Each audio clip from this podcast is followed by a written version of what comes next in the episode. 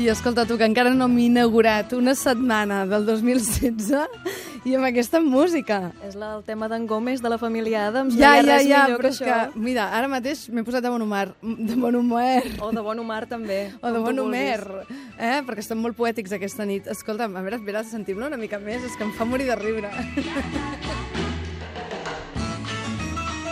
Nosaltres sempre ens veurem excuses bones per somriure i per fer-vos riure també a vosaltres des de casa i avui hem pensat que una manera fantàstica de fer-ho és amb les millors comèdies televisives dels anys 60, perquè com diuen uns amics nostres, lo antiguo siempre mejor y, más, divertido. Molt bé. doncs sí, et diré que aquesta música que està sonant de fons és la meva alerta del mòbil. Quan em truquen sona Sí. això, o sigui que és, Estic- és una cosa molt gelosa, personal. estic gelosa, estic Tu gelosa. també, tots podeu aconseguir-ho, amics. Mm. Doncs bé, sí, que això, que per tornar de les festes amb una mica d'alegria i perquè són sèries que tots les hem vist i ens les estimem, però potser no les estimem tant com per fer una marató així sencera de principi a fi, i jo us porto una mica els que els fans i creadors i etc consideren que són els millors capítols d'algunes de les sèries dels 60. Mm -hmm. I per començar, bueno, abans de començar vull avisar que Embruixada no hi és i que la volia incloure, però he buscat i es veu que el capítol universalment considerat el millor és un que a mi no m'agrada gaire perquè és bastant lent i bastant carrincló. D'acord, i llavors I- per, per possibles rèpliques i gent enfadada has decidit que el no, treus perquè de m'he enfadat jo ja personalment. Aquest capítol m'heu triat, fills meus, fa fora, home, ja parlarem de coses una mica més simpàtiques. Doncs Ja anem a parlar de cops de puny i de senyors amb càpets. Pau! Sí. Pau! To Pum! the Batmobile. Let's go. Atomic batteries to power. Turbines to speed. Roger. Ready to move out.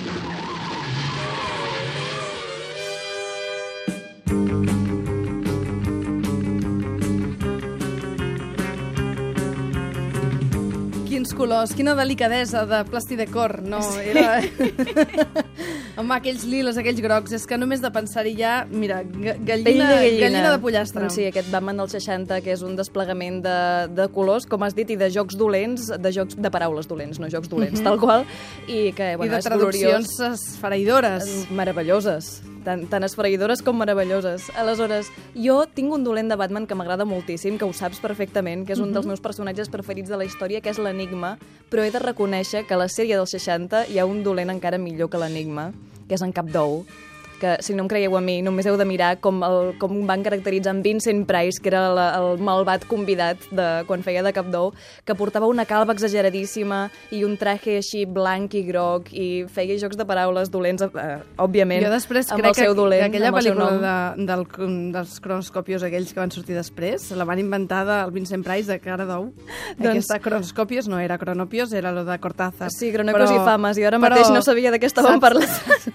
No, però saps que hi ha una pel·lícula dels anys, eh, jo que sé, 80, que era horrible, d'uns senyors amb cara d'ou, No, la veritat és que es que diu no. co- conocopios, Cronopios. o co- cono, conocófilos, no sé, és algo. Doncs, doncs sí, segurament ells havien vist l'episodi que estem recomanant avui, que de fet són dos episodis. Són perquè les aventures de Batman i Robin d'aquesta sèrie comencen en un episodi i acaben el següent. Per tant, els episodis que recomanem són l'entrada eh, al món de Batman d'aquest dolent que és en cap d'ou, la presentació del personatge. I és fàcilment recuperable, aquesta sèrie dels anys Sí, 60, sí. aquest Batman, Bueno, que tots van veure a TV3. Per començar, han sortit tots en DVD. O sigui que això ho podeu trobar mm, fàcilment i, i si no, també podeu anar a llocs de la xarxa. I els youtubers, no? Sí, exacte. Ah, que no sé si es pot dir això aquí, Sí, home, hem de i es ser pot molt dir, es legals. pot dir, es pot podeu, podeu, està penjat tot. Està penjat tot tranquil·lament.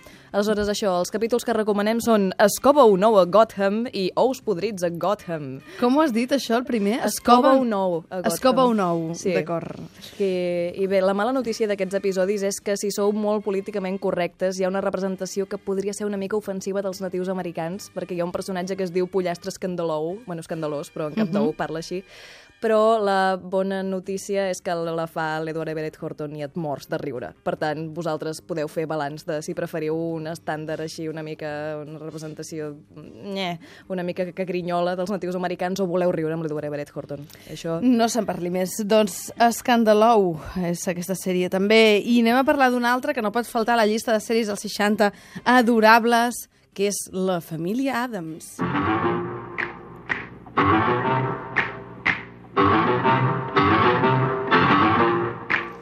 Perquè la família Adams fa que al món hi hagin dues classes de persones, no?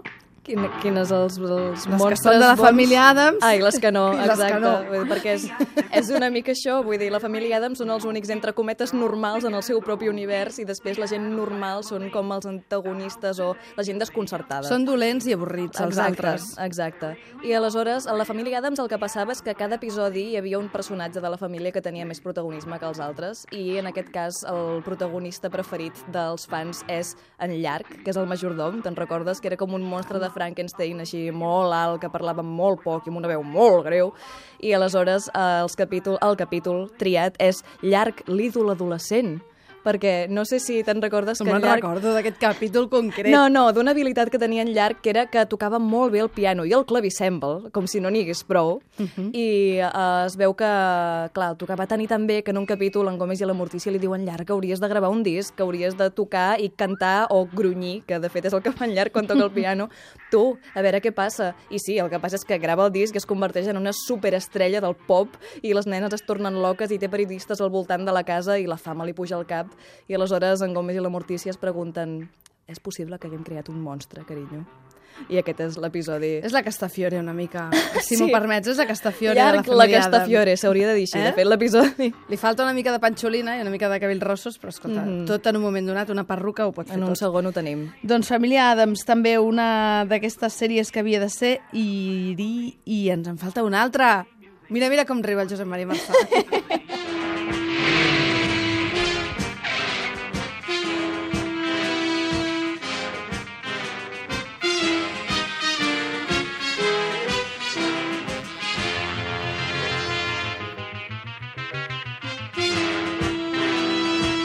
Marçà. Superagent 86, l'esteu ballant a casa, amics. També no operari del recontraespionatge. Sí, bueno, jo adoro aquesta sèrie, com totes, no? Però el Superagent 86 és superguai. I el... Explica'ns, explica'ns per la gent que potser no recordi, Sí. Superagent 86. El plantejament és molt fàcil. És un agent secret idiota, que es diu Maxwell Smart, que li encarreguen casos i ell ho fa tot malament, però al final acaba resolent el cas gràcies a la 99, que és l'única després persona d'aquest- responsable de la després seva vida. aquesta fórmula s'ha repetit bastant, Sí, amb l'Inspector. Gadget, Sí. amb moltes històries, sí, no? Sí, home. Semblant, caga-la que l'encertaràs. Doncs, home, la fórmula sempre funciona, realment. En Max crec que tampoc és el primer, però aquí el tenim. I aleshores, he buscat què, què es considera que és el millor episodi de, De la història 86. mundial. I aquí jo discrepo una mica amb l'elecció També estàs enfadada així en general. No estic tan enfadada com que crec que... A veure, comencem pel començament. Es considera el millor capítol del Superagent 86 un espia per un espia. I per què trien aquest episodi? Perquè és una altra vegada la presentació d'un dolent molt bo que és en Siegfried, que és el cap de Caos, que és l'organització contra la qual sempre lluita en Max, no? El que passa és que aquest primer capítol d'en Siegfried sí que és una entrada triomfal, però jo crec que en Siegfried està molt més ben treballat en altres episodis. Vull dir que sigui el primer no vol dir que sigui el millor ni de molt lluny. Mm -hmm. Per tant, si voleu mirar un espia per un espia, vosaltres mateixos. Però jo, la meva recomanació personal com a fan d'en Siegfried malalta és com triomfar el negoci de l'espionatge sense intentar-ho que és un capítol que en Siegfried arriba i diu Smart, vull eh, enfonsar caos d'una vegada per totes i t'ajudaré a fer-lo. I aleshores, clar, és en Siegfried fem veure que és bo i és fantàstic i veure com col·laboren i com en Max no sap si fiar-se d'ell, però després fa trampetes perquè el cregui i està molt i molt bé. I a més... Has fet una veu d'Oliana Molls i les... Oliana Molls i les... Com eren aquelles dones? I les majorets? No, no eren majorets, eren... alguna les cosa. cronòpies. Les cronòpies. Eh, veus? Ho ha tornat tot.